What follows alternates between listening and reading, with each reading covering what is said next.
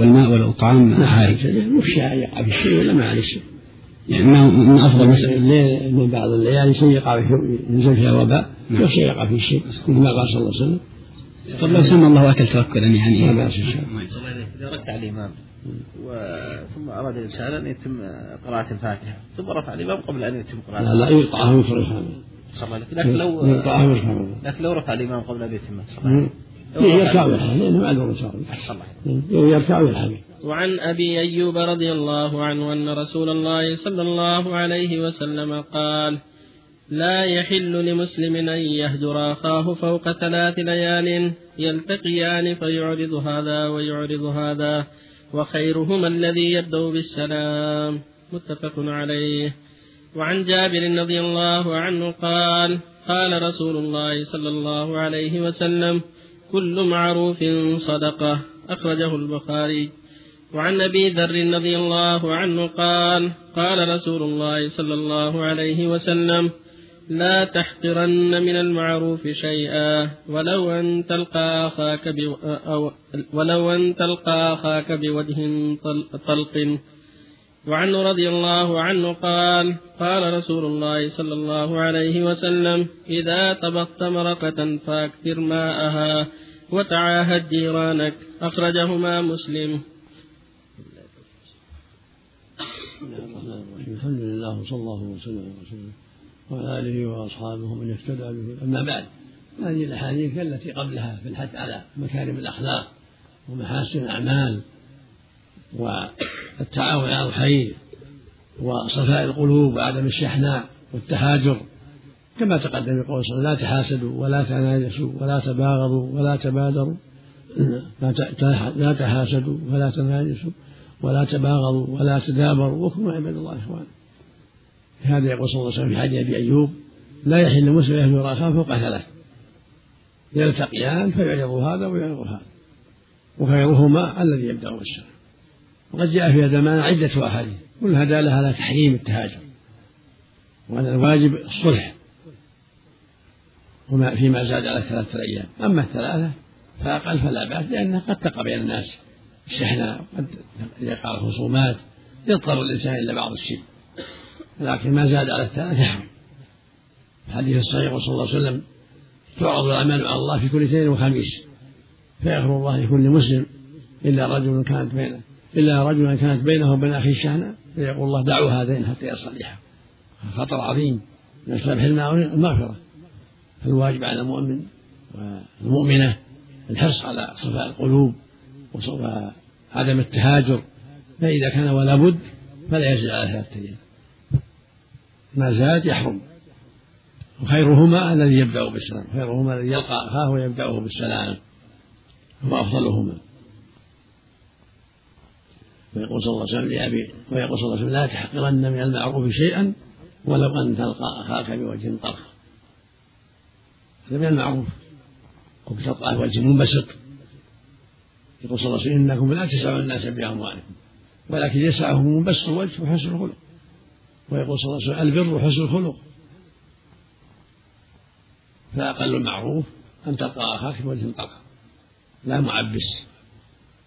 ويقول لأبي ذر إذا طبخت مرقة فأكثر ماءها وتعهد جيرانك ويقول صلى الله عليه وسلم كل معروف صدقة. هكذا روى البخاري من حديث جابر كل معروف صدقة. ورواه مسلم من حديث حذيفة مرفوعة كل معروف صدقة. كل ما يسمى معروف من كلمة طيبة من شفاعة حسنة من هدية صدقة تفريج كربة من نار معسر. كل معروف صدقة وهذا فيه الحث على المعروف.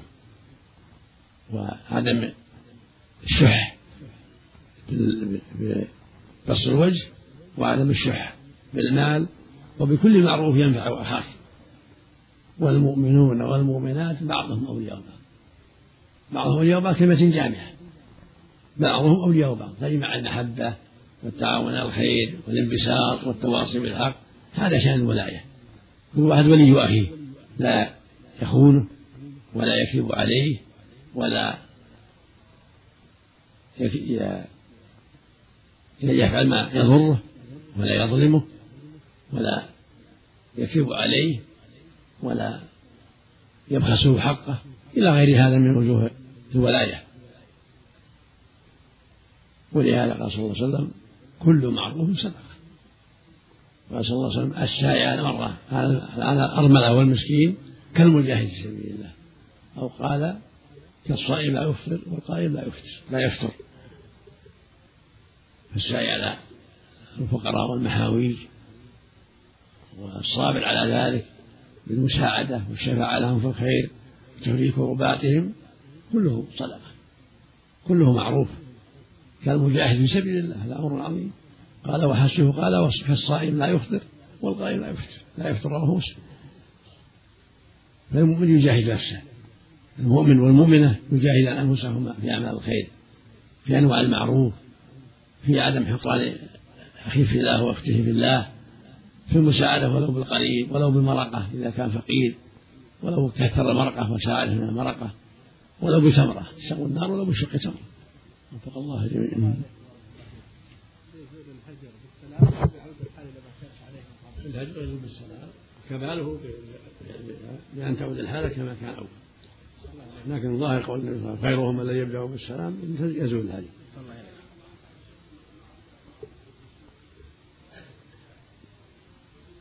كن خيرا منه. كن خيرا منه. أحسن خلقك أنت وعامله باللطف. المقصود افعل ما تستطيع من الخير. من بذل السلام والنصح فاتقوا الله ما استطعتم. نعم. نعم. إذا كان الجيران غير مسلمين ولو ولو غير مسلمين لا تؤذيهم. يقول الله جل وعلا لا ينهاكم الله عن الذين لم يقاتلوا الدين ولم يخرجوكم من دياركم أن تبروهم وتقسطوا إليهم هم كفار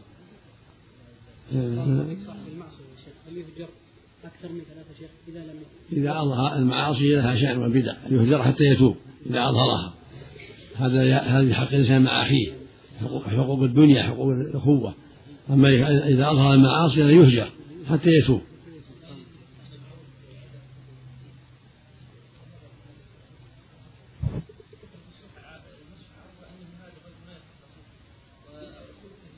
سلم عليه ابدأه بالسلام. لا يكتب السلام. ابدأه ابدأه بالسلام والحمد لله. ورد السلام إذا سلم نعم. يأثم يعني استمر على هذه بالسلام. أما كونها يعني يعود إلى حالته الأولى وما ما يقدر هو بلازم. يقول صلى الله عليه وسلم فيما روى البخاري في الصحيح ليس الواصل بالمكافي ولكن الواصل الذي إذا قطعت رحمه وصلها. هذا الواصل كامل. مهم اللي يقول بكافيه إن وصلني وصلته إن قطعني قطعته. لا هذا مو واصل. هذا مكافئ ولكن الواصل اللي يصبر يقابل السيئة بالحسنة. نعم. الرجل أن يهجر زوجته أكثر من ثلاث في مثل يدعها في غرفة أو ينام في غرفة لا يهجرها نعم ولو أكثر. لكن بالسلام ثلاث. لا حاجتها في البيت. لا يهجرها أكثر من ثلاث في السلام والكلام. أما في المبيت معها والجماع لها له أن يشرب زيادة حتى يؤدبها يكون في البيت وعن أبي هريرة رضي الله عنه قال قال رسول الله صلى الله عليه وسلم من نفس عن مسلم كربة من كرب الدنيا نفس الله عنه كربة من كرب يوم القيامة. ومن يسر على معسر يسر الله عليه في الدنيا والآخرة. ومن ستر مسلما ستره الله في الدنيا والآخرة والله في عون العبد ما كان العبد في عون أخيه. أخرجه مسلم. وعن أبي مسعود رضي الله عنه قال قال رسول الله صلى الله عليه وسلم من دل على خير فله مثل أجر فاعله. أخرجه مسلم.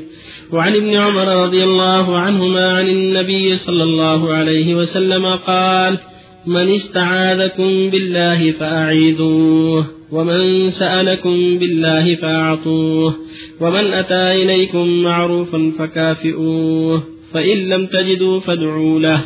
أخرجه البيهقي. بسم الله الرحمن الرحيم. الحمد لله وصلى الله وسلم على رسول الله.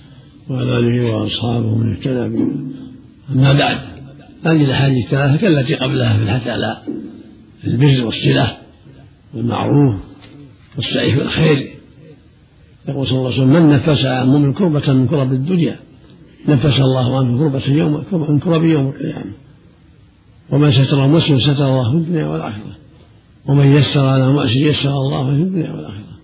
والله في عون العبد ما كان العبد في عون أخيه هذا فيه الفضل العظيم في تنفيس الكرب والتيسير على المؤسرين والسر على المحتاجين وإعانتهم. الله يقول وتعاونوا على البر والتقوى. ويقول جل وعلا وتواصوا بالحق وتواصوا بالصبر. فمن عان أخاه في ملمة أعانه الله سواء كان من ستر عورة أو تيسير على مؤسس أو تنفيذ شربة بقرض أو صدقة أو شفاعة كلها تعتبر نفس عنه بشفاعة أو قرض أو هبة كله خير. هكذا إذا يسر على المؤسس أمهله أو أبرأه في حديث صحيح من سره يفرج الله ونفر يوم القيامة فلينفس عن مؤسر أو يضع عنه. تنفس عن المؤسرين فيه خير عظيم. الحديث الآخر يقول صلى الله عليه وسلم من كان في حاجة أخيه كان الله في حاجته متفق عليه. ويقول صلى الله عليه وسلم السعي على الأرملة والمسكين كالمجاهد في سبيل الله. وحسيته قال أو كالصائم لا يفطر والقائم لا يفطر ويقول صلى الله عليه وسلم من دل على خير فله أجر فاعله هكذا روى أبو مسعود الأنصاري عن النبي صلى الله عليه وسلم. من دل على خير فله أجر فاعله قلت له فلان فقير محتاج فأعطاه مية لك مثل أجره أعطاه ألف لك مثل أجره قضى دينه لك مثل أجره. خير عظيم ويقول صلى الله عليه وسلم في اللفظ الآخر من دعا إلى هدى كان لهم الأجر مثل أجور من تبعه. لا ينقص من أجورهم شيئا. ومن دعا إلى ضلال كان عنه بالإثم مثل آثام من تبعه. لا ينقص الأجر من آثامهم شيئا. ويقول في حديث علي لا يهدي الله بك رجلا واحدا خير لك من حمر النعم فضل عظيم. لا ينبغي العبد أن يكسل عن ابداء الخير والدعوة إليه. لما فيه من الأجر العظيم والخير الكثير والنفع لأخيه المسلم. ويقول صلى الله عليه وسلم من سألكم بالله فأعطوه ومن استعان بالله فأعينوه في اللفظ الآخر ومن دعاكم فأجيبوه ومن صنع إليكم معروف فكافئوه. فإن لم تجدوا ما أن تكافئونه فادعوا له حتى تروا حتى تعلموا أنه قد كافأتموه هذا يدل على جواز السؤال بالله أن من سأل يعطى إذا كان يستحق. أما إذا سأل ما لا يستحق كان يسمع الزكاة وليس من أهل الزكاة. أو غني ما يستحق. لم يسأل بالله وهو يستحق العطاء. في قصة الثلاثة الأبرص والأقرع والأعمى أرسل الله إليه الملك فسألهم عن حاجاتهم وقضيت حاجاتهم. أعطى الله الأبرص. جلد حسن وشعر حسن والأقرع أعطاه شعر حسن ولما رد الله عليه بصره. ثم جاء ملك فقال أسألك بالذي أعطاك البصر أعطاك الجلد الحسن واللون الحسن؟ والآخر قال أعطاك الشعر الحسن. والآخر قال أسألك بالذي رد عليك بصرك. فاعتذر الأبرص والأقرع والعياذ بالله وأجاب الأعمى. فالمقصود أن السؤال بالله جل وعلا عظيم. فمن سئل بالله فليعطي. لكن ما ينبغي للإنسان أن يسأل بالله. يشدد على إخوانه. ينبغي يسأل سؤال ليس فيه سؤال بالله. لا يشدد عليهم بل يرفق بهم حتى لا يحرجهم. وفق الله نعم. ظاهر النص إنه يجب. هذا ظاهر ظاهر النص. لكن إذا كان هم أهل لذلك لا يعطى. كان وليها الله. الحديث لا بأس به. الشيخ محمد رحمه الله في التوحيد كان عزاه لابي النسائي باسلام صحيح.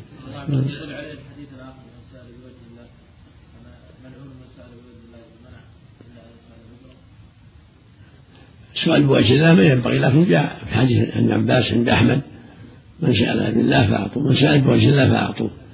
ولكن في حديث آخر لا يسأل بوجه الله إلا الجنة في سند بعض العلماء قال يحتاج إلى تحقيق. نعم. نعم. هذا مطلق لكن يقيد بالأحاديث الصحيحة. إذا سأل بالله أهل لذلك فقير أما لو سأل بالله وهو غني أو من أهل البيت سأل الزكاة ما يعطى. لأن النصوص تقيد بعضها بعضا يفسر بعضها بعضا. نعم.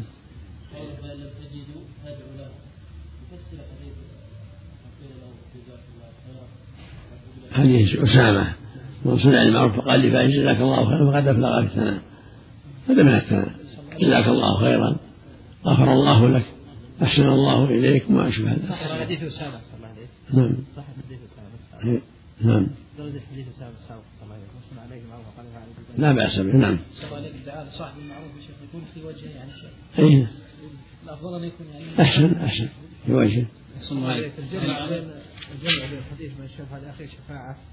تهدي إليه فقبلها وبين الحديث الأخير هذا. من سألكم بلا فاعلوه سألكم عليكم إلى آخره. هذا. حديث منع القضاء المعروف الشفاعة. هذا يكون مخصص لهذا هذا عام ولا خاص. الآن بعض الفقراء عفى الله عنك.